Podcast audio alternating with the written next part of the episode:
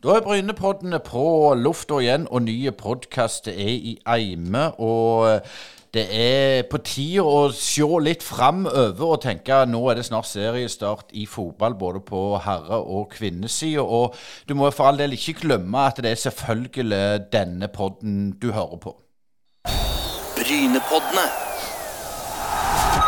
Og i dag så har vi fått en gjest som er født i eh, New York i 1965. og det er en stas å ha Teddy Moen, eh, norsk eh, fotballs eh, store Skulle til å si grand old man, Todd Teddy, men Fantastisk.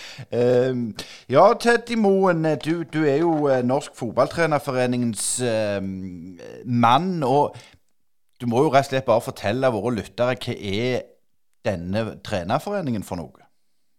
Du, Trenerforeninger er jo interesseforeninger for fotballtrenere på alle nivåer i Norge. Det alt fra Ståle Solbakken til Jon Olsson på Jæren, liksom. Dette er en forening som favner om om du er bare på kveldstid med lilleutlaget, eller om du trener landslaget. Og De 3000 de er på en måte medlemmer og eier denne foreninga. Min oppgave som generalsekretær er på en måte å sørge for at medlemmene er fornøyd med at foreninga støtter og hjelper dem, og gjør dem til bedre trenere. Eh, Men er det behov for en sånn en forening? Klarer liksom Ja. klubbene å, å, å organisere Nei. dette riktig? Nei.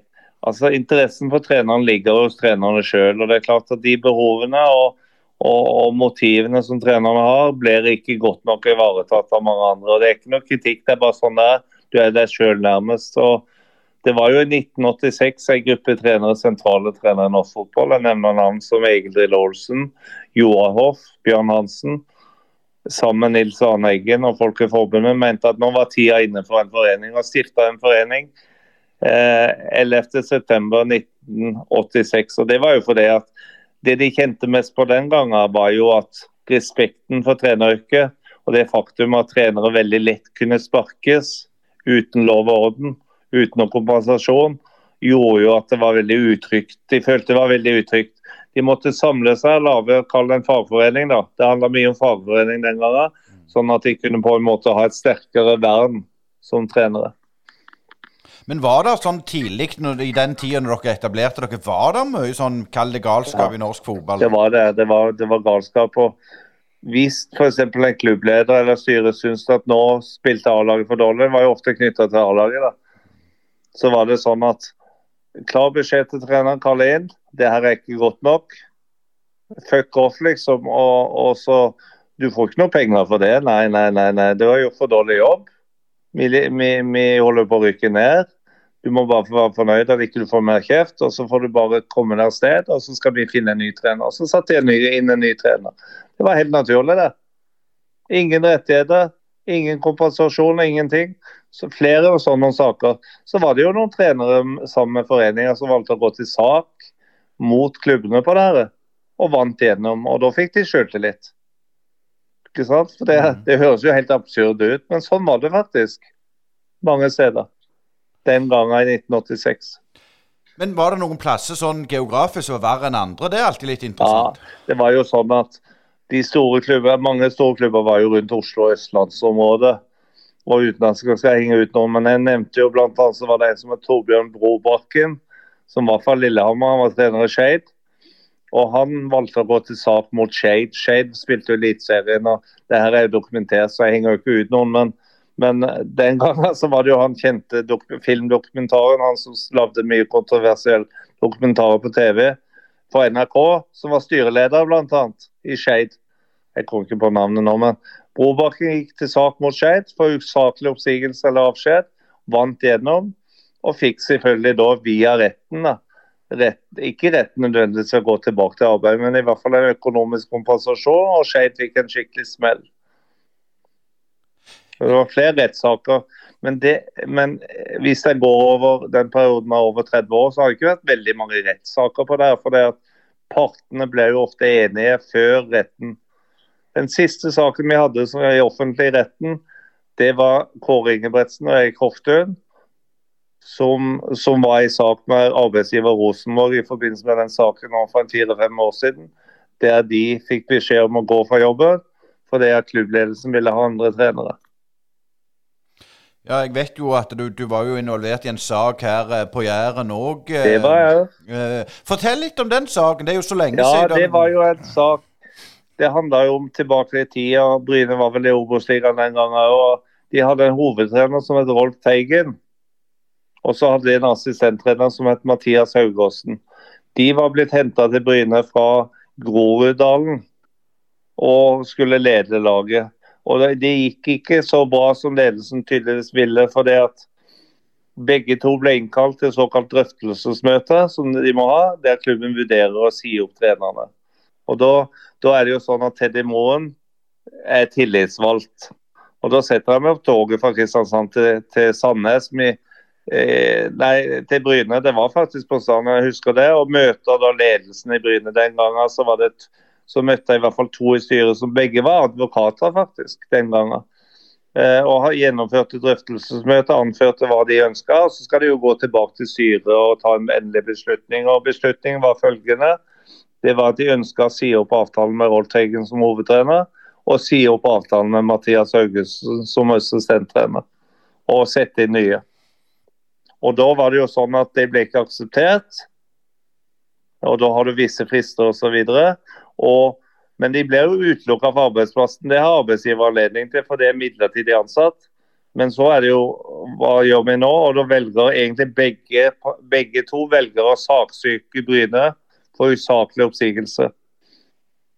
Så, og Da er prosessen i gang. og Så er det jo, kan det jo underveis endre seg der. og I dette tilfellet her så valgte Rolf Teigen å inngå et forlik med Bryne. Et økonomisk tilbud om å slutte frivillig mens Mathias Haugusten takka nei takk til det og opprettholdt søksmålet. Og vi møttes i Jæren tingrett et eller annet år. Og fullmektig, eller den som leda saken for Mathias Haugåsen, var Lise Klavenes som advokatfullmektig. Gjort det, ja. Med Teddy som vitne. Og med, med, den advokaten så kan du tenke deg hvordan det utfallet ble? for å si Det sånn, det var ikke vanskelig å se at Lise Klavenes var en meget talentfull advokat og leder. Og Lise gjorde en fantastisk jobb. og Retten kom selvfølgelig fram til full frifinnelse. For å si det sånn, og Mathias Haugåsen vant gjennom på alle kravene. Bryne tapte på alle krav.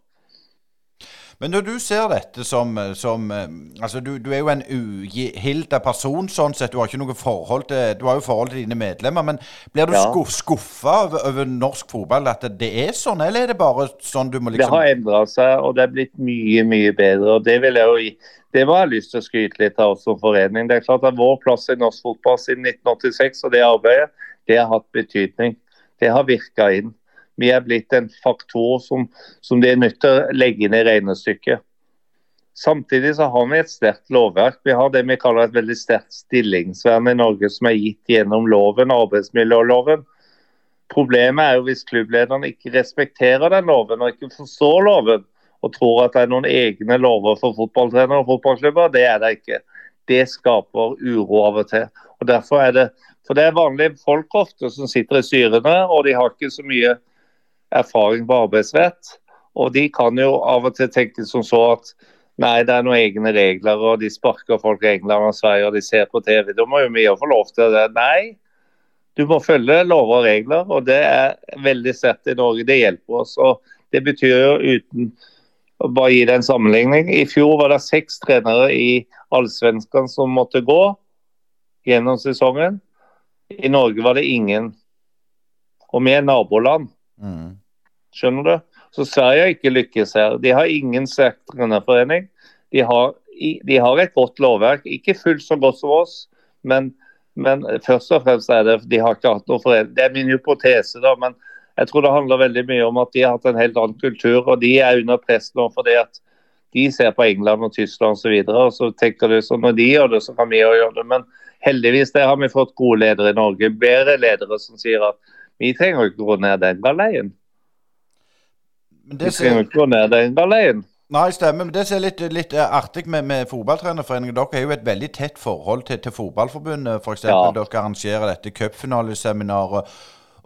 Og, det virker jo som dere har fått til noe der og samarbeide ja, på tvers.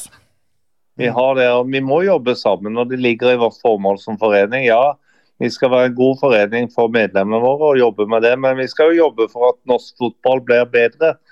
Det ligger et stort ansvar både for oss alle, for det, det er et felles mål for oss alle. Og Det betyr jo at du kan både være vaktbikkje og passe på NFF, men du kan òg samtidig anerkjenne NFF på mange områder for å ha blitt bedre. For det har de på veldig mange områder. Respekten for at trenere blir tatt vare på, syns jeg har styrka seg gjennom de årene jeg har vært der. Og Det har jeg sett litt på klubbnivå òg, men det er lang vei å gå. altså. Eh, det er klart det er ingenting som gjør meg mer trist enn at en klubb f.eks. kaster en 16-17-åring som trener guttelaget i en lokalklubb under, under, bussen. Fordi at det er noen foreldre som syns at de kunne ha gjort en bedre jobb med guttene sjøl. Eller sønnen spiller ikke på vingen han burde ha spilt når, når han blir satt på bekken. Det er nok det til at ei foreldregruppe kan mobilisere en, en oppsigelse og avskjed av en 16-åring. Og Det er trist. for det, det er akkurat som med unge dommere. Det er, kanskje vi mister de, talentfulle folk som har stor glede av det. Ja, det er litt til Når jeg skulle planlegge denne poden med deg, Teddy, så, så, har jeg ikke planlagt så mye. For, for du, du, driver podkast med fotballtreneren, du, du, ja. du snakker og det, Jeg må jo bare liksom mute deg for, for, for å komme til orde her. Men denne, ja. dette, dette, dette engasjementet altså Du, er jo, ja. som jeg sa, født i New York. og ja. Den unge Teddy, når var det du fant ut at du ville på en måte bruke energien og kraften din til, til dette? Eh, Godt spørsmål. Jeg følte at på ungdomsskolen så følte jeg at jeg hadde lyst til å jeg hadde lyst til å bli lærer, pedagog, fotballtrener. Jeg var ikke veldig god til å spille. Jeg spilte som tredje-fjerdedivisjonsfotball i min lokale klubb Lillesand. Men det ga meg utrolig mye. og det er klart at Jeg ser jo tilbake, og jeg var jo leder tidligere. Jeg var jo kaptein på mine alderslag og på A-laget osv. Så, så jeg hadde jo mye i meg. Sånn sett som leder følte jeg. men men, og jeg var jo fra Lillesand, og du skal ikke mene for mye, men jeg var såpass ambisiøs at jeg ville ut av bygda. og Drømmen var å gå på idrettshøyskolen. Og, og, og, og, gjennom gymnastida så våkna det i meg, og begynte på idrettshøyskolen da jeg var 20 år. Og det gjorde den til det jeg er. Altså. Så jeg, jeg, skulle jobbe i bransjen, og så er jeg heldig fordi at norsk fotball eksploderer jo bare på slutten av 80-tallet. Altså, Vi har ikke vært i et VM-sluttspill siden 1938, og så får jeg være med på hele greia. Ikke sant? Ikke som spiller, trener, men jeg er i miljøet. Utrolig stimulerende. Ja. Mye av det som skjer, skjer rundt NIH. Egil Olsen, Nils Johan Sem, kort vei til NFF. Jeg er midt oppi det. Utrolig inspirerende. Der våkner jeg, altså der kommer jeg inn og tror det bare derfra. Og jeg har 30 gode år eh, basert på det. Men den tida må du fortelle der på NHO, hva, hva, hva, er det du ser? Altså, Er det, så, er det gamle raddiser som skal liksom revolusjonere fotball-Norge? Altså, det er jo sånn at jeg kommer inn på grunnfag i 1986 og får Egil som, som, litt som vanlig i fotball og greier og så videre. Men i 1987 så startes det et nytt studium som heter trenerstudiet. Et ettårsstudium. Og det er nytt. Og det er initiert av Egil bl.a. Og, og institusjonen. og der er det meg og flere, bl.a. Cato Haug, som nå er, er formann i, i norsk toppfotball. Gikk sammen med. Halstein Saune, som senere kom trener Lyn og Hødd i Eliteserien. Eh, eh, var en av de andre. ikke sant? Så det var gode folk. Og vi gikk til Egil før sommeren, husker driller, rett og slett for å snakke om at vi ville lære mest mulig. E, vi hadde veldig stor respekt for Egil. Han var en annerledes trener. og folk, var, Det var pre landslag, så folk visste jo ikke. Men vi visste hvem han var. Han var meget spesiell. Men det var en aura rundt Egil som var bare helt fantastisk. Det var noe, det var noe helt spesielt. Han var i dårlig form. Han hadde vektdrev, han fløy rundt på rulleskøyter. Han var kasta ut hjemmefra, nyskilt osv. Så, videre, så han var nedpå. Men jeg tror det inspirerte han ganske kraftig at det kom en del unggutter der som hadde lyst til å lære.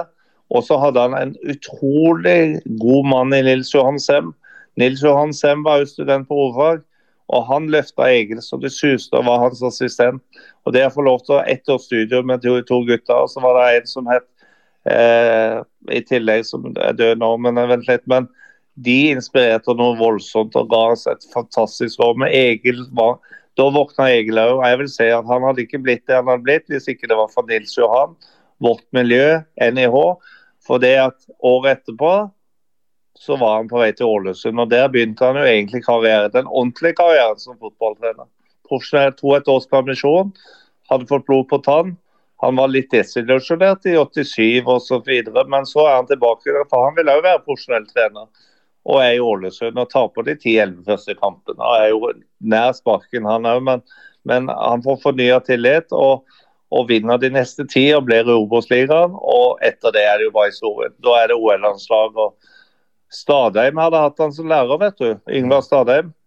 Og forlangte at NFF skulle gi han OL-landslagsjobben. Det var ingen som ville gi han landslag. Han var persona non grata.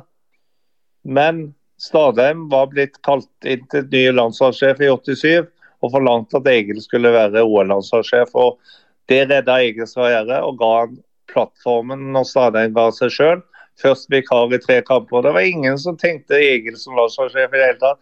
Én mann, Per Arne Omdal. Det var kun Per Arne Omdal som trodde på Egil. Alle andre var mot han. Men når Egil vinner 6-1 over Kamerun og to mm. kamper til, og de ikke fikk Cruyff og Beckenbauer, som de snakka om, så trodde Egil. Og det forandra hele bildet av norsk fotball. Du... Det skjer i slutten av 89-90. Men du Teddy, hadde jo en drøm om å bli manager. Når du ser litt tilbake til, Gjorde du noen feil valg der, eller var det bare ja, Nei, jeg vil ikke si det. For det at jeg er jo hovedtrener i Eliteserien i 1986. Nei, nei, unnskyld, 1996. 96, ja. Altså, jeg, jo, jeg, jeg begynner i start i 91 som juniortrener. Blir talentansvarlig, blir assistenttrener på A-laget under Steve Perryman. Steve Perryman, som har kommet for å ta over etter Brede Skisa, som døde i leukemi. Kommer til meg husker jeg i slutten av 95 og sier at jeg vil reise til Japan, for det er Osvaldo Adies, min gode venn Osvaldo, VM-mester i 98, i, i, i, Argentina, har fått en toppjobb i Japan. Han vil ha med meg. Han hadde tre-to år igjen i kontrakten i Start, og han sa det at jeg tjener tigangen her. Så, så når Start ikke ville slippe han, så betalte han seg bare ut. og da, da kom jo statsledelsen til meg etter at de hadde tilbudt jobben til mange før meg, bl.a. Bjarne Berntsen. Eh, og, og hvilke nummer jeg var i rekka, det er ikke jeg, hadde, jeg var i hvert fall ikke så høyt, men jeg fikk tilbud om jobben og sa ja. Du gjør det når du er 30 år. Du har lyst til å være tre. Du er cocky nok vet du, til å tro at du er god nok trener i Eliteserien. Det er jo egentlig bare tull, men du blir jo ikke bra hvis ikke du prøver. Men jeg var cocky nok til å gjøre det og hoppa inn og ble 30 år. og Det er ikke så mange som har vært 30 år trener. Kjell Skau Andreassen var 28, og Nils Arne kanskje 27 i sin tid. Jeg vil ikke sammenligne meg med de her, men, men de var tidlig ute, de òg. Men de var mye bedre enn meg sikkert den gangen. Men de var ikke gode, de heller. Men, men så får jo jeg jo sparken selvfølgelig i løpet av det året. Karsten Johansen tar over. Men, og det er jo tøft nok, det. Men, men det, det, gir meg ikke tanken for å fortsette med det. Jeg mister ikke lysta. Så da er jeg videre til, til Grenland og blir ansatt som assistenttrener i Odd og spillerutvikler. Og er der i 97 og 98. Og da lever drømmen om å være profesjonell trener videre, og det er det jeg har lyst til. Men så har jeg to små barn og ei kone og jeg bor på et annet sted, og da er det verdivalg. Og Da velger jeg å gå tilbake til Vågsbygd, for jeg vil at mine barn skal ha en far som er i nærheten. og og, og ha mulighetene, og det passer bedre. Da, men da, da, sier jeg jo vekk mulighetene. Men ikke mer enn at jeg hadde et tilbud om å bli daglig leder i trenerforeninga på halv jobb etter Joahoff, og halv jobb som sportssjef i IK Våg. Så jeg hadde det på plass. Det gjorde jo at jeg hadde jobb i fotball. Og, og kunne jobbe videre profesjonelt. og Det var det viktigste. Men jeg, kunne, jeg var ikke hovedtrener lenger. Da gjør jeg karrierevalg. Og siden jeg har jo ikke vært det i toppfotball. Men jeg har jo vært trener siden aldersbestemt. Men det som du sier, Start er jo et fenomen for meg, iallfall ja. i norsk fotball. Altså, ja. men, men, der er du ennå, Teddy, så er det jo på en måte hår i suppa. Du, du, kommer på årsmøte, og du skriver leserinnlegg, og du jeg skulle til å si hyler og skriker, misforstå meg riktig. Ja. Men, men, hva er det som gjør at Start er så spesielt? Nei, altså Jeg er jo glad i Start. Jeg er jo ikke sånn tribunesupporter, og sånn, men jeg er glad i institusjonen Start. Jeg, jeg, kommer inn og ser den første kampen i 1975, som, som da er ikke mer enn ti år. Det er 14 000 mennesker på, på gamle Kristiansand stadion og Viking. De taper 2-1, men jeg blir bare sugd inn. Og siden har jeg vært sugd inn. og, og, og, og Men den gangen så var Start òg Norges blant de beste lagene i landet. Viking var jo best på begynnelsen av 70-tallet. Men på slutten av 70-tallet så er jo Start blant de beste. Til og med Bryne er jo blant de beste. Mm. Og Det er jo en fantastisk tid, men, men, det har gjort at jeg har et langt stort engasjement for institusjonen og landsdelen. For jeg er utrolig glad i fotball, men spesielt her. Jeg har veldig sterkt eierskap til Sørlandet, fotballen på Sørlandet og Start. og Start har på en måte vært lokomotivet, er ikke det lenger nå. Og det er klart Over mange år nå så har medlemmene og andre av landsdelen akseptert at vi er et middels Obos-ligaklubb. Når jeg egentlig vil at vi skal slåss med Rosenborg og Bodø-Glimt om å være Norges beste lag. For det var vi når jeg jobba der. I 91 så skulle Start vinne Eliteserien. Den største fotballkampen som kanskje har gått noen gang i klubbfotball i Norge, gikk på Kristiansand. De slo Rosenborg 5-0, du har sikkert huska den. Mm. Tidenes kamp i norsk fotball. Det er det nivået jeg hadde håpet Start skulle være med på. Men der mislykkes klubben på 90-tallet. De fulgte ikke med i tida, og toget gikk og har aldri klart å henge seg på toget igjen. Og det, og det, er jo fordi at eh, medlemmer og andre har på en måte akseptert en, en tilstand som er så lavt at det er ingen ambisjoner i forhold til det det burde være. Og det har forbeholder jeg meg retten til å mene om.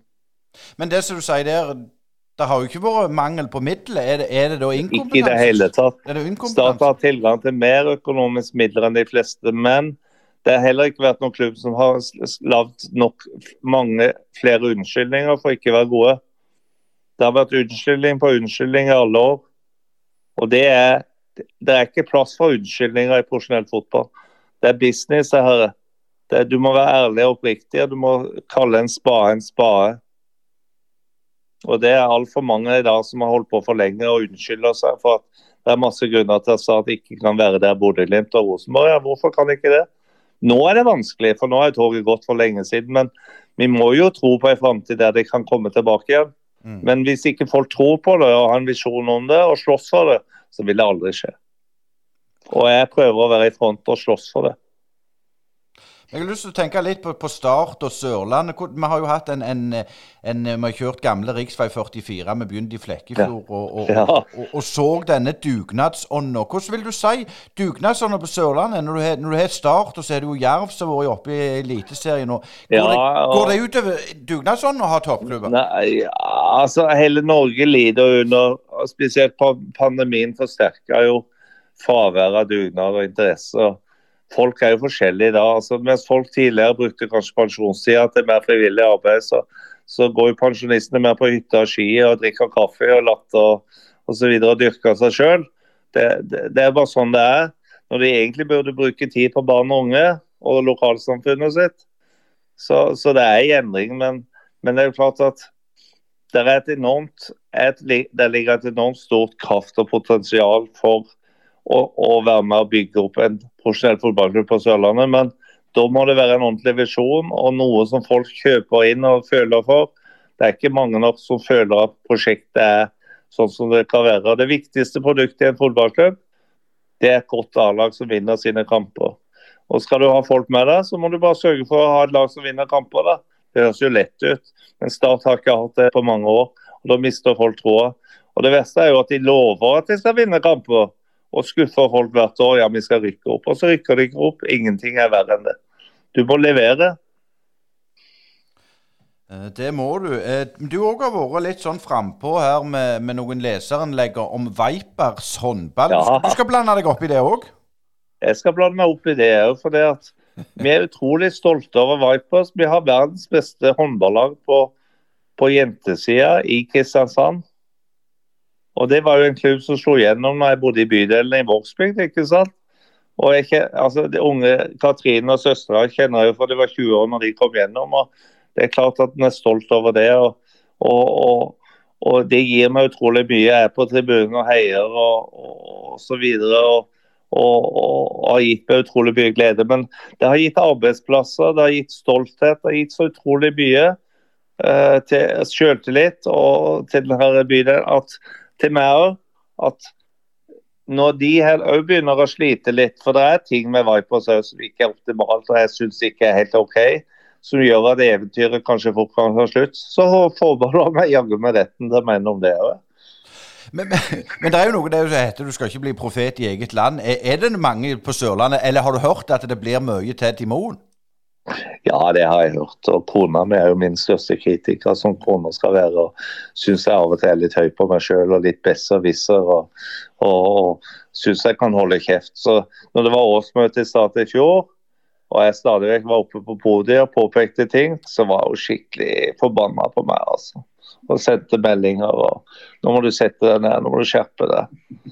Eh, for det at hun, føler, hun kjenner jo på det, for det er jo hun som får høre det. det er jo, altså Når folk syns at det er eh, kanskje litt pain in the ass, så kommer du ikke til meg, men de kommer gjerne til henne. ikke sant? Men hun stikker at 'nå må du få mannen til å skjerpe deg'. Mm. Så det, jeg kjenner jo litt på det. Men, men samtidig så sier jeg til kona mi at det er, noe, det er, viktig for meg, og det er viktig for den de er, men det er aldri personlig kritikken. Det er ofte systemkritikk. Jeg vil ikke at folk skal oppleve at jeg er på jakt etter noen, for det er jeg ikke. Men jeg er ofte på jakt etter forbedringer i systemet. Og Det kan nok noen føle av og til blir personlig. Mm. Men jeg, aldri, jeg, har aldri noe agg eller noe. Jeg, veldig, jeg, opplever at jeg har veldig veldig få uvenner. altså. Selv om folk kan være uenige med meg, men det er jo fair. Men du er ikke redd for rolleblandinger, da? At det er fotballtrenerforeningen som snakker? Det er klart jeg er litt redd, for jeg har jo et tilbud om både styre og leder og det videre. Og det er ikke forenlig med å jobbe i foreninga. For det kan jo ikke på den ene sida forsvare et medlem i stat, og samtidig både jobbe og sitte der. Det ville være en rollekonflikt. Så, så Derfor har jeg aldri hatt noe verv. Jeg har, jeg gjort dugnad fordi jeg er medlem, men jeg har, aldri, jeg har ikke noe verv, for det kommer i konflikt med å være generalsekretær. for det at Jeg må jo stadig vekk støtte og stadig i mange år innom stat og hjelpe trenere. Og de, Hvis jeg sier de siste ti årene, så har jeg i hvert fall hatt ti trenersaker i Start. Mm. Og Da møter jeg jo ledelsen i Start, ikke sant, som sitter på den andre sida av bordet. Og Skal jeg ha tillit og respekt der, så, så, så, så må jeg oppføre meg ordentlig og, og ikke blande korta. Jeg... Husker jeg ble saksøkt på et tidspunkt av Start nesten fordi jeg hadde sagt noe galt en gang. Det er ganske heftig i et land med høy ytringsfrihet. Mm.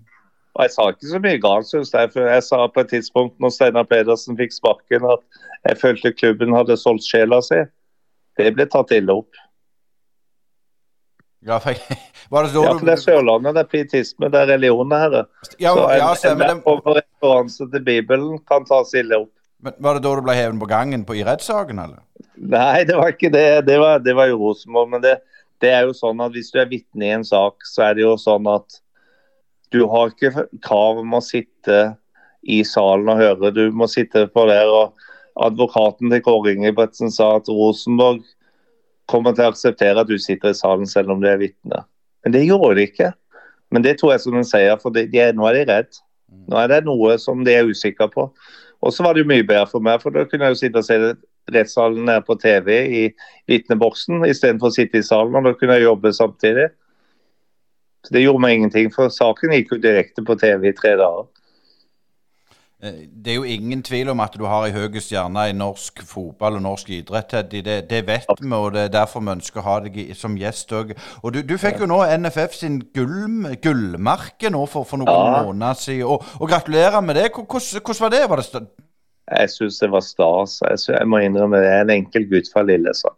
Jeg har ikke spilt noen landskamper og, og noen ting. og men det er klart det å få tildelt gullmerket på NFF, som er den nest høyeste utmerkelsen som kan gis, var sterkt for meg og kom totalt ut av det blå. Jeg var jo hjemme sjøl og lå i sykesenga, og, og, og, men fulgte tinget som delegat. og Det var veldig veldig sterkt. Men samtidig så var det En ting er selvfølgelig anerkjennelse av meg, men først og fremst foreningen og alle de folka som har gjort meg god. Så, så det er en pris som gikk til langt flere enn bare Teddy. og jeg, at, jeg vet at prisen kommer til å bety enormt mye i arbeidet i foreninga framover. En skikkelig anerkjennelse. Uh, litt mer inn på det dere driver med i foreninga. Dere er jo en, en podkast, Fotballtreneren, som vi må anbefale absolutt å høre på. Og cupfinaleseminar der dere hadde um, Ranieri bl.a. Uh, i, i ja. fjor.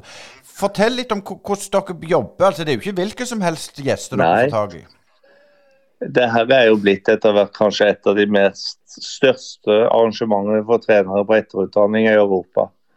Det her er begynt i 1989, og den gangen var det faktisk Drillo som var tiltaksleder. og Jeg fikk jo ta over det her i, i 97 da, som tiltaksleder og, og, og, hadde tanker om hvordan vi kan utvikle det videre. og Det har jo alltid vært sånn at dette skal være en møteplass for trenere på alle nivåer. Det er ekstremt viktig for oss at topptrenere og breddetrenere er sammen. Det skal være litt naturlig at Kjetil Rekdal er sammen med Jon Johnsen fra Stål, liksom. På samme sted. Det er en enorm kraft i det. Og det skjer. For det Kjetil og de ser òg verdien i det. her å være der. Og de skjønner at de må være med og bidra og gjøre det. Så har vi bygd stein på stein og lagd et utrolig sosial møteplass for trenerne. Trenerne er som alle andre. De har lyst til å drikke øl og kose seg sammen. De har lyst til å ha noen skrøner, og de er kompiser. Av og til får du inntrykk av at de er bitre fiender, men utenfor banen så er de, så er de egentlig veldig gode kompiser. Eller så må vi sørge for at de blir kompiser. De vil bli bedre, de vil inspireres, de vil ha fag. De er som alle andre. De vil treffe store trenere og lære. De vil, de vil føle en del av det å være et fellesskap. De vil føle at trenere i Norge er viktig. og Alt det her bygger vi sammen. Og så sørger vi for at de får en weekend. ikke sant? Og Før i tida så var jo ofte cupfinalen på søndagen rosina i pølsa. Den er jo flytta så mange ganger. og Nå lever jo arrangementet veldig godt uten cupfinale.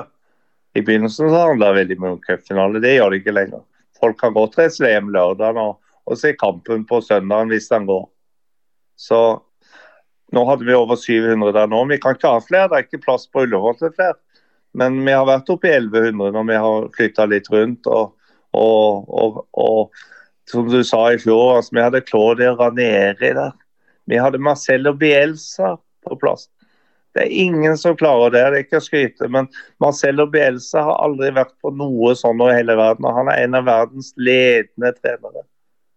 Det, det, det, vi har grunn til å være stolt over det. Og Det er vårt renommé. For det at store trenere i verden snakker sammen. Og som jeg ser, noen har snakka til Bielsa at det der opplegget i Oslo, det, det er kult. Det må du være med på. Jeg er helt sikker på. Det som er enda mer imponerende, at det er deg, Teddy, og så har du en medhjelper. Det er vel ikke mer ansatte i foreningen? Nei, det er det. Det er gode styrefolk og masse frivillige. og det er klart sånn som Bielsa kommer som følge at jeg har et veldig godt medlem som heter Brian Lazaro, som jeg ble kjent litt med på La Manga for noen år siden når han jobba i Sevilla. Han er halvt argentinsk, halvt amerikansk, og kom til Norge. og ble ordentlig kjent med han for en fire-fem år siden og jeg hjalp han i Øygarden. Nes Sotra ble til Øygarden. Han ble ansatt som hovedtrener der i Obos-ligaen. Og gjorde en superjobb, men klubben var ikke rede for det. Sleit big time og sparka han, og da hjalp han. Da ble vi veldig godt kjent. og Bryant var jo den som i kraft av, av kontakter osv. hjalp meg for å få Bjelsa til Oslo. Det er sånn jeg jobber hele tida. Det er ikke Teddy sjøl. Jeg er avhengig av folk, og jeg har et nettverk over hele verden. Men da er det jo litt sånn eh, en enkel sjel fra Lillesand. Eh, ja. Du har jo lov å slå deg litt på brystet og si at dette får, får vi til sammen. Det er jo lov, det. Og det er akkurat det du sa. Nå sa du sikkert sammen. For det er ingen er god alene. Ingen er god alene. Du må jobbe sammen med gode folk. Og fotball, det er som å bygge et lag. Hvis ikke du er samspill, så er du sjanseløs. Og alle som prøver å gjøre fotball til en individuell idrett og er greie enkeltpersoner, bommer totalt.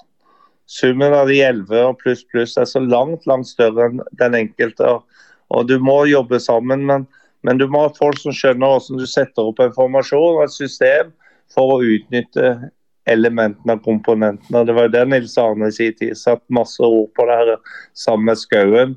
De var jo de som på mange måter satte sammen alt det med godfot og samhandling. og Cato fra Flekkefjord sosiologen, hvis du husker det. Nå er jeg langt på vei, men mm. det, var, det, var, folk fra Rogaland og på Jæren som ordna det òg.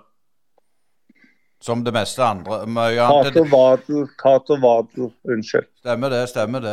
Men, men det med den fotballtrenerforeningen, nå vet jeg òg at det er en del andre, eller noen andre idretter som ønsker å være med. Har dere liksom tenkt oss å utvide det, eller kommer dere Nei, har, det ligger ikke i vår strategiplan. men jeg har hjulpet mange trenere i andre idretter. Senest nå før jul så hjalp jeg en håndballtrener oppe på Fjellhamar, en svensk-kroat, som trengte hjelp i sin stilling i førstedivisjon i håndball. Eh, for det er ikke noen trenerforening i håndball. Eh, det er ikke det. altså. Så jeg har hjulpet flere håndballtrenere, amerikansk fotball, ishockeytrenere osv. For de har ikke en forening i ryggen. Og da, da har de ofte blitt tipsa på at kontakt til det trenerforeningen kan sikkert hjelpe. Hadde en sandvolleyballtrener lokalt nå som har hjulpet litt i det siste. Men når, du ser dette, jeg er litt, litt komme inn på det når du ser på styre og stell. Er det det at det er inkompetanse, eller, eller, eller bare prøver de seg? Tenker på ledere i klubbene. Eh, først og fremst mangel på kompetanse. Mangel på kompetanse om arbeidsrett. Altså, når vi snakker forening. altså det, det er på en måte sikre at treneren har et sterkt vern.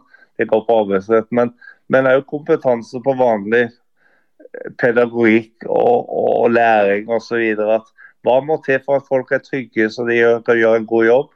Da må de ha kompetanse på ledelse, rett og slett. Og selv om de blir valgt til ledere og har lederroller, så, gir ikke det de nødvendigvis autoritet på å være god leder. Så jeg mener at det er utrolig mye å gå på når det gjelder kunnskap og erfaring på, på her, som, som, kunne ha løfta dem som ledere og som kunne ha hjulpet trenerne og norsk fotball. Det er jo ikke noe kritikk, sånn er det. Men det betyr jo at vi har veldig stor jobb igjen i norsk fotball for å få heve det her. For uten å heve det, så blir vi ikke bedre. Det er helt sant, Teddy. Vi skal ta en ørliten promotering, så er vi snart tilbake. Ja, fint, du hører nå på Brynepoddene. En uavhengig og litt dypere podkast som gir deg lyden av ekte sport. Vi har studio på Bryne og herifra sender vi deg motstemmen til den overflatiske og klikkorienterte sportsjournalistikken. Gå inn og se i vår nettbutikk på Bryne Paddene med www.podbean.com, og følg oss i sosiale medier. Vi har Teddy Moen som gjest i dagens Brynepoddene, og jeg har lyst til å komme inn på litt dette med fotballen, og særlig fotballforbundet, som har blitt ganske politisert i det siste. Mm. Det, hva tenker du om det? Ja, altså jeg tenker som så at Norges Fotballforbund er jo paraplyorganisasjonen vår vi må forholde oss til. Altså Det er jo sånn som nå var tinget forrige helg. Det er jo klart at ting er jo de øverste myndighetene i det her. og Der lages jo lover og regler og, og planer osv. Og Det som er veldig viktig, det er jo at det må jo være et demokrati i bånn. Og, og, Det ønsker Fotballforbundet, men av forskjellige grunner så er det ikke så godt å få det til i praksis. Eh, og Det gjør jo at kanskje enkelte motiver og enkeltkrefter får mer spillerom. og Det er jo ikke noe tvil om at interessen for toppfotball, elite, talent, de beste, vinner i dag på bekostning av bredde, barn, unge, jenter osv og, og endrer bildet av fotball. Altså, Det skrives jo langt mer om Haaland og hva Haaland tjener osv. enn hvordan skal vi få til å lage flere Haalander. Mm. Og det bekymrer meg. For det siste er mye viktigere, faktisk. Det er det. At et miljø på Bryne liksom klarer å gjøre det de gjør. Men kan vi gjenskape den type miljøer som gjør at enda flere barn og unge har det veldig bra? Blir glad i fotball mm. og kommer til å prege ikke bare toppfotballen, men fotballen på Jæren. Så ikke den råtner på rådet. Nei, for Jeg så jo Fotballforbundet kom jo med statut, statutter eller retningslinjer. Da er det jo sju-åtte sider om, om, alt de skal være med med like muligheter og like rettigheter. Og, ja, og det er fort å bite over for mye. Ja. Jeg blir litt sånn skeptisk av og til. For det, det er 17 bærekraftsmål som FN har nedsatt. Mm. Og som jeg ser, Du trenger jo ikke ta fatt i alle 17. Kunne ikke ha valgt fem og så gjøre det ordentlig, istedenfor å gjøre 17 halvdårlig. Men så var det jo det, det Ja, helt enig. og det var, Poenget òg var det at det står jo ingenting om hvordan du skal få jentene til å fortsette å spille fotball utover 14-årsalder. Ingen om, om, Det er det du ikke gjør, og alle er jo enige om at det blåser en god vind på jentesida. Det er investert mye i det, men det er lang vei å gå.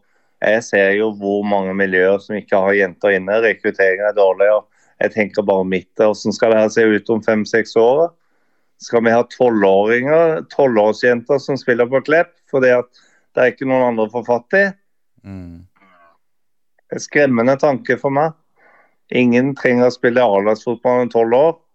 Men hvorfor, hvorfor tror du det er ingen som skal si det, denne diskusjonen som vi gjør? Er de, er de redde for å si noe, eller, eller hva er det, det det, går i? Har du noen tanker om det? Jeg tror at verdensbildet er litt ulikt. og at at det sier jeg ikke alle tror. Jeg, de syns kanskje jeg av og til blir svartmaler ting og er veldig kritisk. Og så har de en oppfatning at det ser ikke så galt ut. Og så, og så, så istedenfor å på en måte være åpne og ærlige og ta en skikkelig diskusjon og det blir litt varmt rundt dørene, så tror jeg folk, folk vil heller være oppleve som at, at vi vil være snille med hverandre.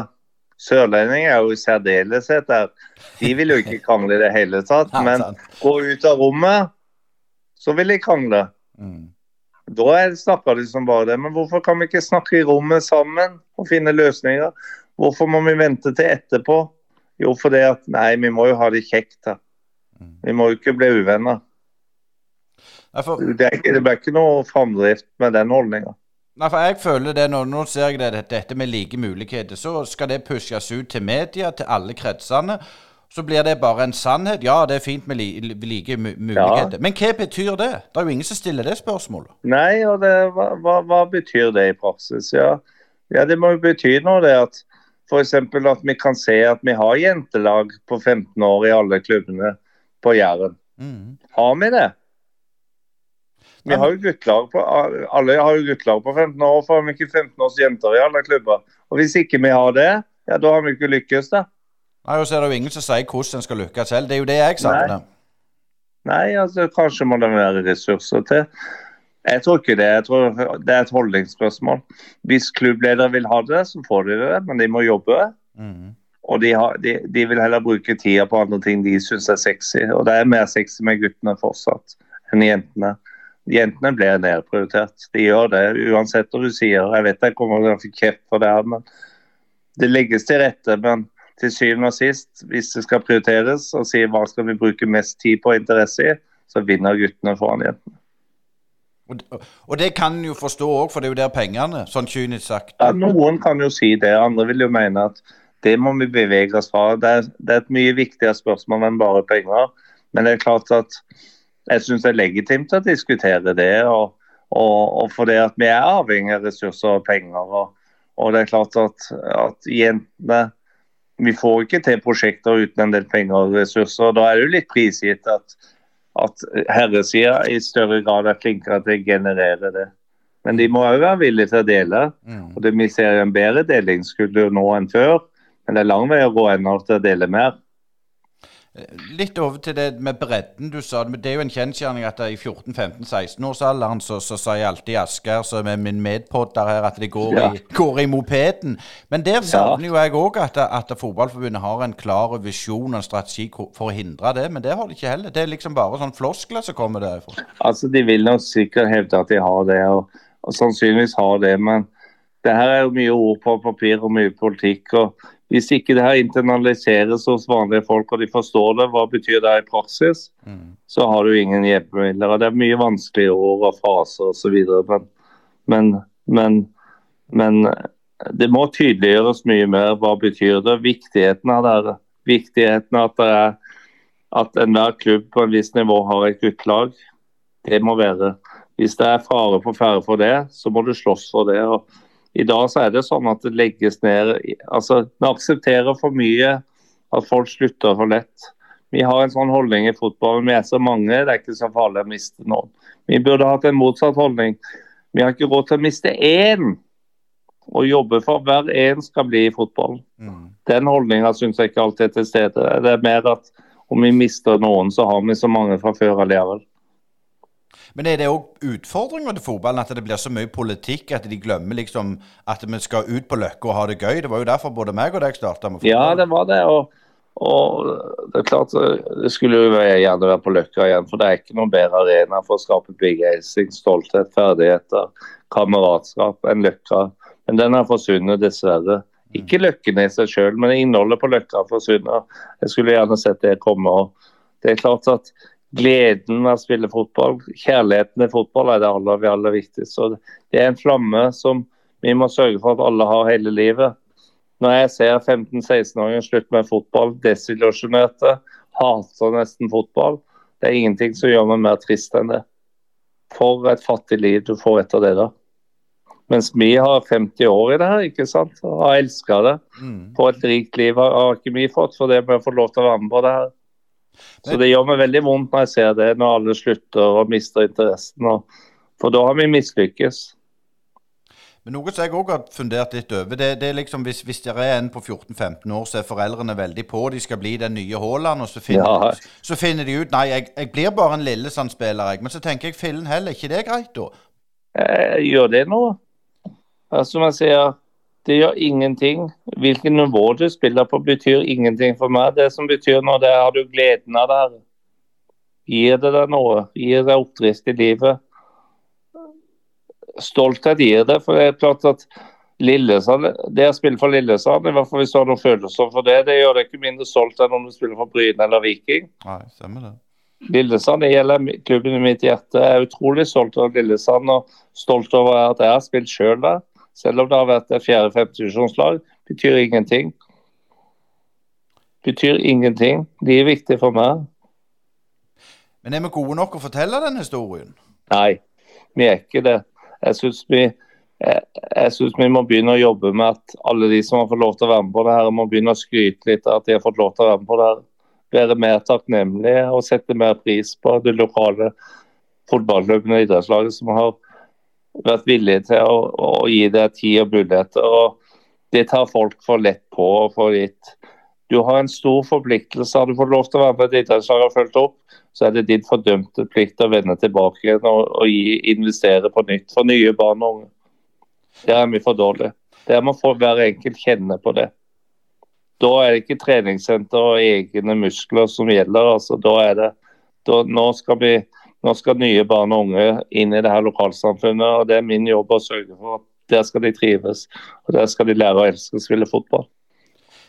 Et litt sånn, og litt politisk spørsmål med dette med akademiklassifisering. eh, Er det bare positivt, eller ser du òg at det kan være utfordrende for Ja, jeg kan se det er utfordrende. Jeg ser jo at jeg ser jo definitivt å sette ting i et profesjonell kontekst i profesjonell fotball er nødvendig. Men det er en del andre verdier som kommer til syke når det gjelder talentutvikling og elite, som har negative sider. Og Blant annet så er det sånn at det er en oppfatning om at breddemiljøene er ikke gode nok. Det er kanskje toppklubbene eh, har kompetanse og er gode nok. Det mener jeg er helt feil. Jeg mener at breddeklubbene de har kanskje enda mer, men det blir ikke respektert nok. Ofte så er det jo penger at toppklubbene får mer ressurser i penger, og det blir lite til de andre. Det blir feil. Vi må dele på alle. Alle må få lov til å ta del i det her. Og så, blir det et enormt fokus på de beste. Når de nest beste, tredje beste, fjerde beste er like viktige mennesker, de. De er like viktige mennesker, de. Så føler jeg at det blir en sånn rangering her at fordi du er veldig god med ballen osv., så, videre, så er du mer verd enn de som ikke er så gode med ballen, og det er jo helt feil. Men har det blitt verre i, de siste åra, føler du? Ja, er verre og verre. Jeg vil ikke bruke ordet verre, men det er blitt annerledes. Jeg husker jo en tid der du kunne lese i avisa kanskje en gang i måneden ordet talent. Det var ikke noe som folk strødde rundt seg. Nå leser du tigangen hver dag. Talent, supertalent, talent til luxe osv. Det er jo en radbrekking av begrepet som ødelegger, egentlig. For det at du, gir, du gir et begrep på en spiller som knapt nok kan knytte skoa. Altså, Det er spillere i dag som knapt nok kan knytte fotballskoa. De blir kalt talentfulle. Så det er på en måte, Folk har mista helt perspektivet og begrepet på hva en god spiller er. Men meg. Men det er litt det som med den foreldregenerasjonen. For det er liksom de, Tror du at det, det må jo ikke være kjekt når du er mest sagt fem, seks, sju år, og så har det stempelet på deg? Nei. Og det legger et voldsomt press ikke sant, som gjør at det er ikke så gøy. Når vi spilte på Løkkhausa, ikke sant, så var det, det var ingen foreldre der som styrte det. Nei. Styrte jo det sjøl. Vi hadde bare lyst til én ting, å spille fotball.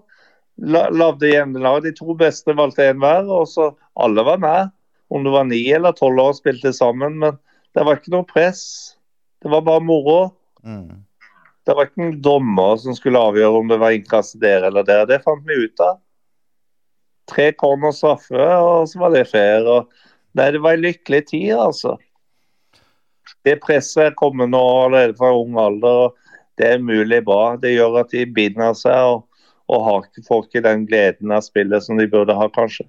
Nei, for det er litt sånn Du tenker jo på det ungdommer som har psykiske utfordringer. Det er jo aldri vært mer aktuelt, dessverre, enn nå. Og, Jeg har ikke det. men der føler jeg òg gjerne at, at idretten og fotballen er liksom, det er litt skyggeside, så det snakker vi ikke så mye om.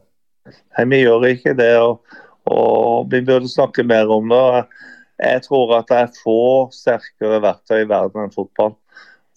Fotball kan endre verden, og det kan endre holdninger og det kan endre miljøer. og Det å bruke fotball som et sted for å løse opp i det mentale, veldig stor på. Men det kan også brukes til motsatte, i mental tvangstrøye.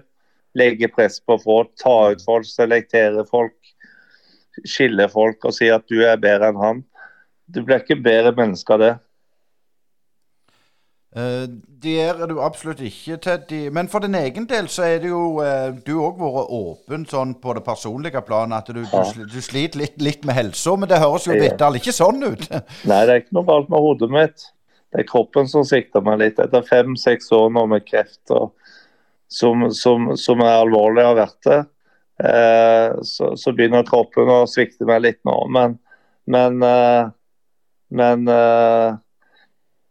det, jeg føler allikevel at det ødelegger ikke engasjementet og interessen min. Det forsterker det egentlig. og, og jeg, jeg, skal fortsatt gjøre det selv om jeg ikke er i superform. Så, så er jeg såpass form at, at det stopper meg ikke fra å, engasjere meg. Og når jeg får lov til å ha en mulighet til å sitte her med deg og snakke fotball, så gjør jeg jo det fordi det inspirerer meg utrolig mye og gir meg krefter for å holde meg oppe på beina og, og drive på. Men den der indre driven du har, Teddy, har du reflektert over noe? Er, er det noe? Kommer det fra New York, det? Eller? Ja, det, jeg hadde nervøs og spurte er det noen sammenhenger. Det var, det var et utrolig godt spørsmål. For det han sa, det er jo noe med Amerika, innovasjon. og Det kan være der det er noe sånn entreprenørskap der som Men jeg husker jo veldig tidlig at jeg, at jeg, jeg følte allerede at jeg, på Løkka at jeg var jo naturlig en av de som valgte ting og var leder og ordna pokalene. Mm. Og, og, brydde meg veldig. og Jeg husker jo at, at var, jeg var kaptein på de aller spesielle lagene. Når vi spilte en turnering, husker jeg det i Holland der som juniorspiller og, og skulle hente noen pokaler der, så var det helt naturlig for meg å holde en tale på engelsk. Og takke, liksom, osv. Så, videre. så jeg følte allerede at, at jeg var veldig sånn tidlig på det at jeg var, jeg var leder. Jeg ble leder, jeg gjorde det. Og, og det gjorde, ga meg kanskje en ekstra ansvar da, for at jeg skulle engasjere meg. Jeg gjorde det. Så det kan være noe amerikablod der som har slått inn, ja. Men det er det som du sier, det med, med leder kjenner meg litt igjen. Du ble leder på Løkka, du ble leder på, ja. på, på, på dele inn i lag og sånn. Det er det som er litt utfordringa, tenker jeg, med akademiklassifiseringa. Der er det ikke de lederne. Der blir du Nei. fortalt det skal du gjøre. Nei, for det at i dag så er det litt sånn samlebånds Det, det er jo en forslitt gase, men mm. vi, vi, kutter de litt etter samme mal. Vi må ha personlighet og unikheter, og det utvikles ikke i, en, i et laboratorie. Fotball er kunst, og vi trenger kunstnere. og Vi trenger Mygner. hvis det mm. og det er jo så vanskelig, for det at hvis det var lett å skal gjenskape Erik Mykland, så, så hadde du gjort det. Men det er nesten umulig. For han har noen egenskaper som kommer fram som er et resultat av mutasjoner og, og arv. og kultur og miljø og han sjøl som er umulig å svare på. Og det er jo sånn at Fortsatt så klarer de ikke å lage en fiolin i dag med all verdens teknologi som kan se en Stradivarius fra 1700-tallet. Det syns jeg er et veldig godt bilde på hvor vanskelig det her er. Mm. For det, det er myggene osv. som vi trenger hvis vi skal løfte det Haaland og Ødegaard. ikke sant? Og, og, vi er jo på vann til å lage, men vi kan ikke lage på samlebånd. men vi må jo vite at det er den typen vi skal ha. Vi skal ikke bare ha fire, for da blir det kjedelig. altså. Da blir det ikke noe fram. Nei, for jeg tenker jo det. Nei, det er sant. Hvis du, har, hvis du ser Myggen og Alf Kåre Tveit fra Lyngdal, husker du, de to hadde jo aldri passet inn i et akademi, tenker jeg. De hadde ikke det. og Selv den gangen så var det ikke Myggen var jo på kretslaget og sånn, og vi husker han jo. Han var jo eksepsjonell, men han spilte aldri en aldersbestemt landslagskamp. Nei. Så det var jo noen som syntes at han er ikke god nok. Men han spilte 80 landskamper, han kunne spilt 150 hvis han hadde holdt på. For det, har nesten ikke vært noen ham. Nei, det er for å få tankene i sving, dette. Teddy. Men jeg litt å tenke på, på for, for, fotballforbundet, nei, for fotballtrenerforeningen. Hva ser du som den største utfordringa framover? Den største utfordringen er å få trenere til å slutte om fellesskapet. At de skjønner at Det er viktig å ha en fagforening for trenere. Vi trenger en kollektiv stemme. De trenger ikke nødvendigvis Teddy, men de trenger en forening som er deres stemme i norsk fotball. For å hjelpe dem, gi dem trygghet og, og sikkerhet. Og som sørger for at de òg kan, kan levere mat på bordet framover til sin familie. Og at de kan føle seg trygge i jobben. De kan sove om natta uten trusselen om at de mister jobben. og, og, og de må jo vite hvordan de skal få pensjon og ha forsikring når de blir syke den dagen de trenger det. Vi er jo på mange måter en sikkerhet for det. Og det er den store utfordringen. Hvis ikke du er med i det fellesskapet, og vi er nok med, så får vi ikke nok kraft til å jobbe gjennom de her tingene og stadig vekk reformer. Nå jobber vi f.eks. med en stor plan om det vi kaller en norm for lønn. For det er det med lønnsspørsmålet for trenere er jo ikke noe opplagt sånn som det er i skoler og det offentlige. At du går inn i en jobb og så får du den lønna. Her er det jo rene forhandlinger, men jeg tror at vi kan la hjelpe trenerne med det, og klubbene. Med å si at når du er trener med den utdanningen sånn og sånn, og det og det, så er det, så bør du trene, tjene det. Mm. Det er jo en bra greie, en viktig sak for oss. Som en forening må løfte. Som ikke én trener kan løfte sjøl. Så vi må ha fellesskapet. Det andre er jo at vi trenger at Fotballforbundet og andre anerkjenner at det er viktig å ha gode trenerforeninger. Det opplever vi i Norge som veldig bra, men det opplever de ikke i Sverige, i Danmark og nødvendigvis andre steder. De er under press. De er under press. For det at klubblederne vil alltid være mest mer opptatt av klubben enn trenerne. og Det betyr at når de skal vurdere om treneren skal sparke, så er det de som bestemmer at de skal ut, mye mer enn at de skal bli. og Det er de som bestemmer lønna. De vil jo helst betale minst mulig. Så du sier der Norge kommer langt der, så der er det store forskjell på resten av Europa? Veldig. Bare, ja, uten å se, men vi har jo 3000 medlemmer pluss, pluss. Uh, Sverige har som har eksistert, og som er 10 millioner mennesker, dobbelt så mange oss. Mye sterkere fotballkultur enn Norge har 200 medlemmer. Mm. Skjønner du? Mm. Da er det vanskeligere få gjennomslag i Sverige for en kollektiv god stemme. De jobber, men de, de har ikke lykkes med å få oppslutning om det. Men du, du har 3000 medlemmer, og jeg vet at du har et enormt sterkt rykte. Vi skal jo prøve å få det fram i denne poden. Du sender SMS, du ringer til trenere om det, det og det er ikke bare Eliteserien, det er like mye på Nord og nedover. Du, du har ja en enorm kontaktflate. Helt enorme, og alle vet hvem du er. Men det er jo da jeg liksom klarer Du har en, en kreftsykdom du sliter med, og allikevel så klarer du det. Det, det, det må jo være Altså, du bruker deg sjøl til fellesskapet, på en måte. Det er ja, ganske unikt. Ja da, og jeg ser på meg sjøl som fotballtrenernes tjener. Jeg er der for de, og mine behov er underordna deres behov. Jeg vil alltid på en måte være opptatt av deres ve og vel. og Det stikker veldig sterkt i meg. Og jeg, jeg bruker tida på det her fordi jeg opplever at de setter veldig stor pris på det. De gir de trygghet. Og er de trygge og de setter pris på det, så er forutsetningen for å hjelpe dem mye bedre til stede. Så, så jeg vil gjøre det. Og, og, så er jeg veldig stolt av, veldig, av alle medlemmene mine. for det at det gjøres utrolig mye godt arbeid og de ikke får så mye anerkjennelse for. Og det at jeg av og til kan stikke til en melding via Facebook eller SMS, jeg vet jo at det virker.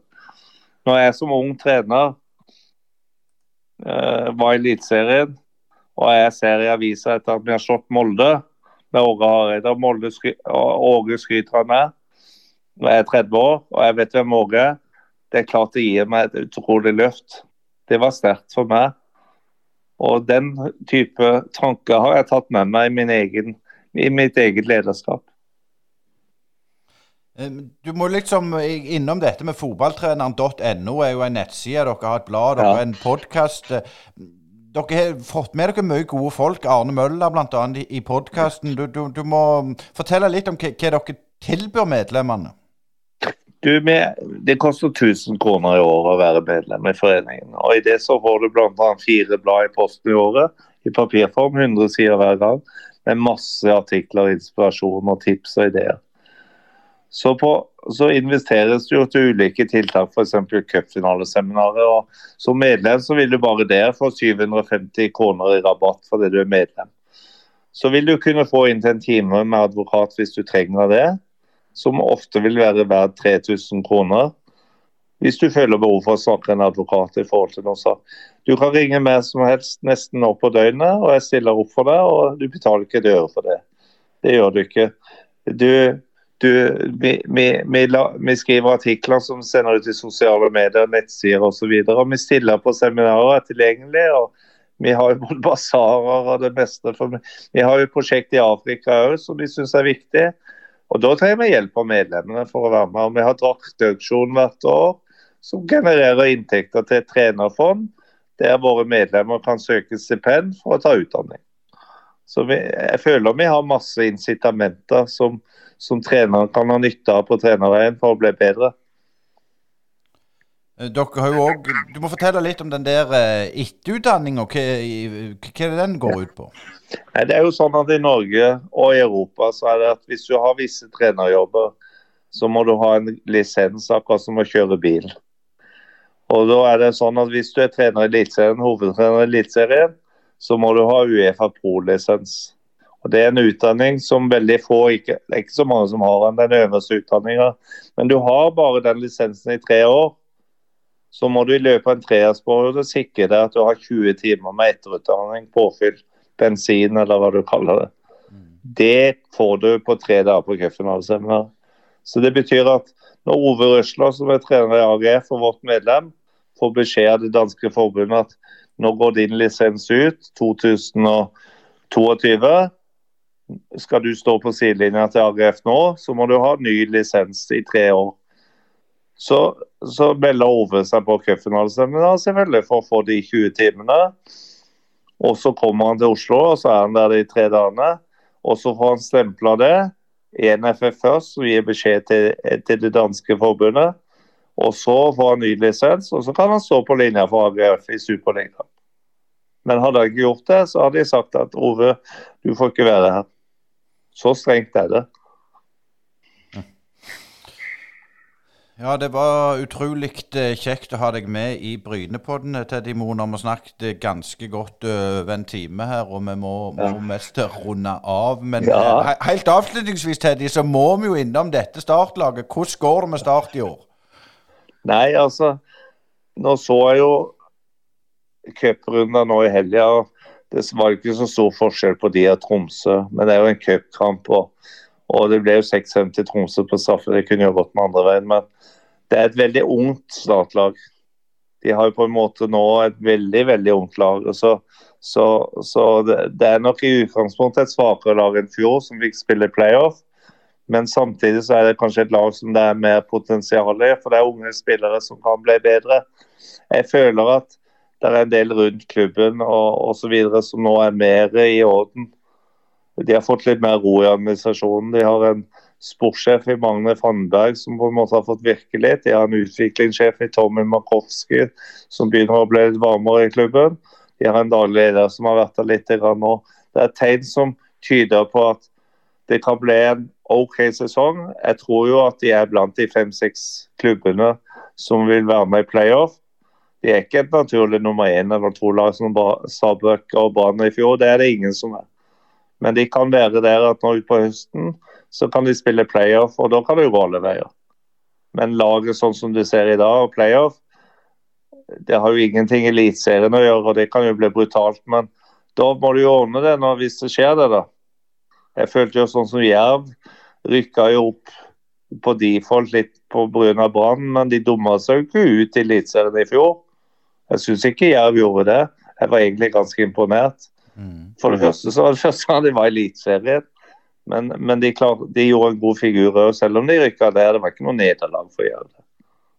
Så, så Start kan, kan, godt være der, men det kan jo det kan mange klubber være. Det kan gå FVM og Kongsvinger og Sogndal og Sandnes. Og du ville jo lagt jeg skulle sagt Bryne òg, men vi får se. Cuprunde altså. helga ga meg jo ikke troa på at Bryna er der nå, men det kan skje i løpet av året. Hvem vet? Nei, Stemmer det. Hvem vet. Tusen hjertelig takk for at du tok deg tid til Brynepoddene, Teddy Moen. Og all best med recovery, for å bruke et eh, amerikansk uttrykk.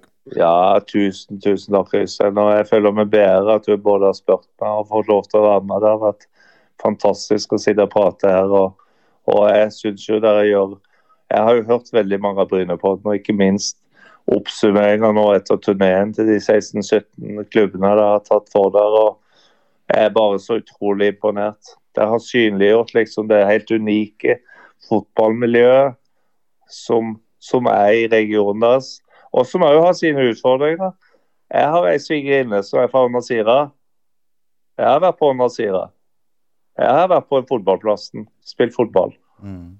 Det er klart at Jeg syns det er trist å høre, men det er jo helt riktig beskrivelse. Og Nasira, det er ikke fotballen som har forsvunnet, det er bygdesamfunnet og Nasira. Folk har flytta derfra. Da er det vanskelig å opprettholde et lag her. Men jeg håper jo for guds skyld at de òg kan komme tilbake som barn, og unge og voksne. Det var jo en tid de spilte finalene i veteran-NM under Sira. Så de var ikke så dårlige, selv om det var mye Flekkefjord-spillere. Du har så rett, du har så rett. Og tusen hjertelig takk for at du hørte på Brynepoddene. Og husk, med en ny Brynepodd neste torsdag. Brynepoddene.